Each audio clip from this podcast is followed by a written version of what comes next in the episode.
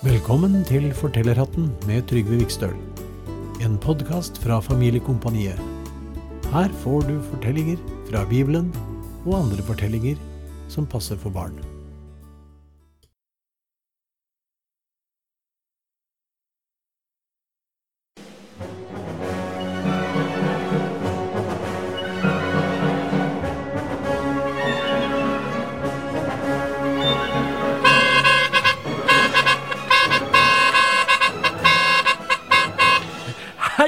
Der var du jo! Ja, For jeg legger bort den her blåsa mi litt. Du skjønner, jeg holder på å øve meg til 17. mai-toget. Og så derfor så har jeg litt sånn der marsjmusikk eh, i bakgrunnen her. Og så øver jeg litt med blåsa mi. Trompeten min. Men eh, nå som du er kommet, får jeg legge bort den blåsa mi litt. Er mange som har bursdag i mai, og jeg kjenner ei jente, jeg. Pernille, som også har bursdag i mai. Og den dagen hun hadde bursdag, da var det noe helt spesielt som hadde bursdag også. Jeg tror jeg skal fortelle deg om eh, Pernilles eh, bursdag, jeg.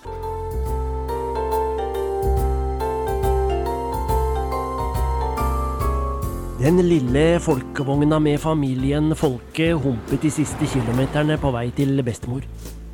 Det var mamma og pappa og Pernille og Bastian, og selvfølgelig Softis, da, bikkja til Bastian, som het Softis fordi tunga omtrent alltid hang ut av munnen som en våt og dryppende softis. Se, der er huset til bestemor, vi er framme! ropte Pernille. Folkevogna suste opp den siste bakken mot huset. Bestemor flagger, sa Bastian. Ja, det er vel ikke noe rart det, sa Pernille. Jeg har jo bursdag, jo. Det er jo det vi skal feire bursdagen min. Hadde du glemt det, eller, kjære bror? spurte Pernille fornærmet. Nei da, sa Bastian. Det er bare det at bestemor har to flagg.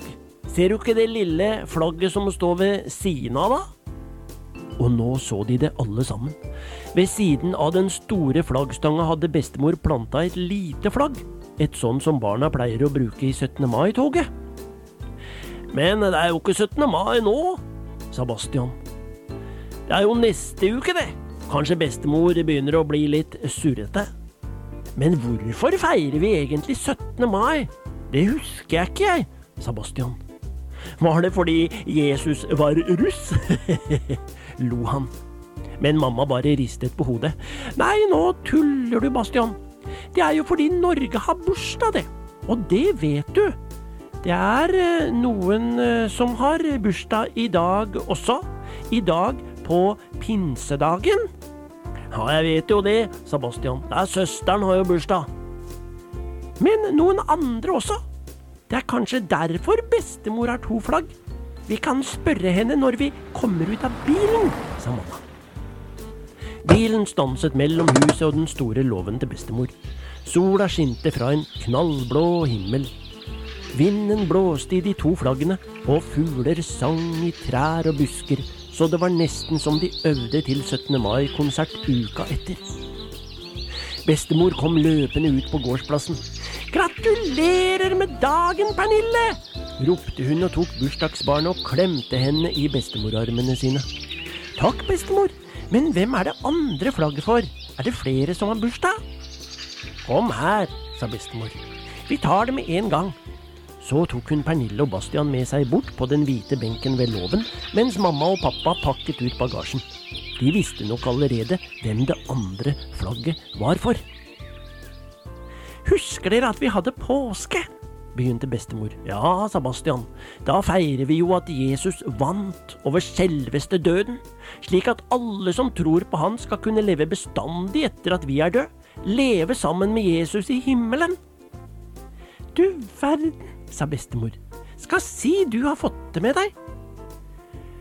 Og Kristi himmelfartsdagen, da reiste Jesus til himmelen, sa Pernille. Hun ville ikke være noe dårligere, hun.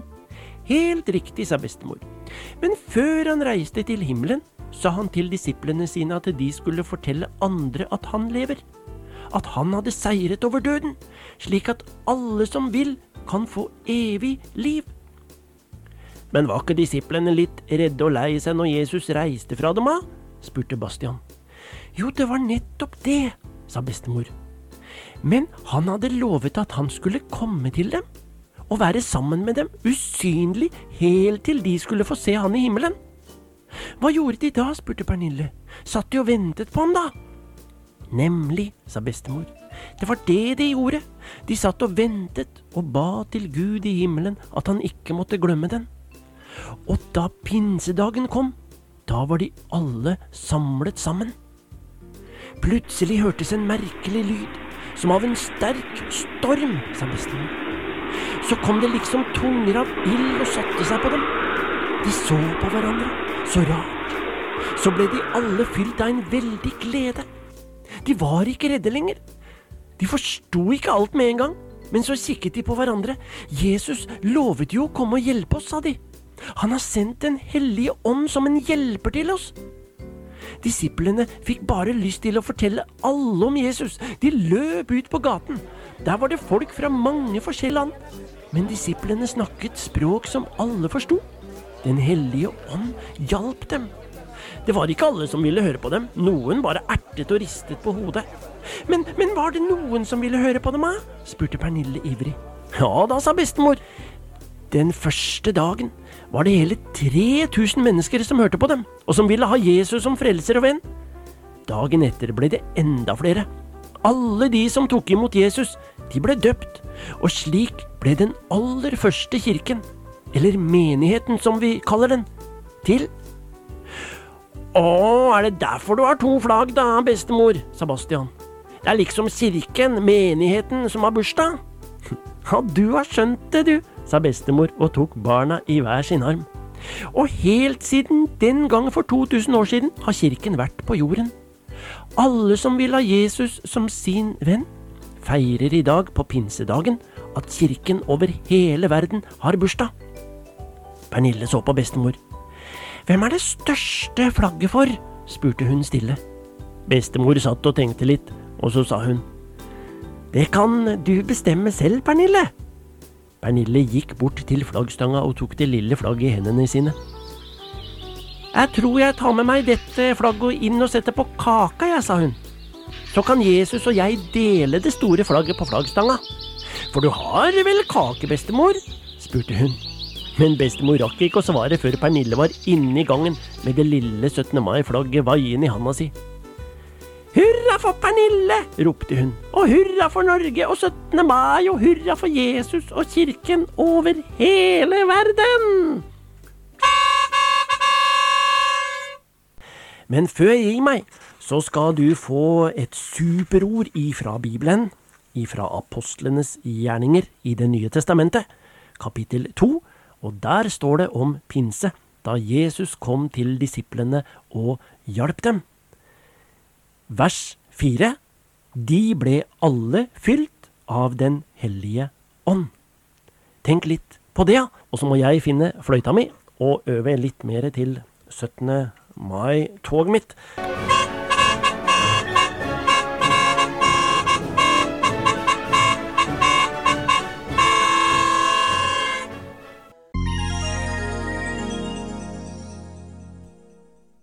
Da var det slutt for denne gang. Du har hørt Trygve Vikstøl i Fortellerhatten, en podkast fra Familiekompaniet. Vil du høre flere episoder, så følg med og abonner på denne podkasten. Vil du høre musikk med Trygve, så kan du gå inn på familiekompaniet.no og sjekke ut hva han har laget.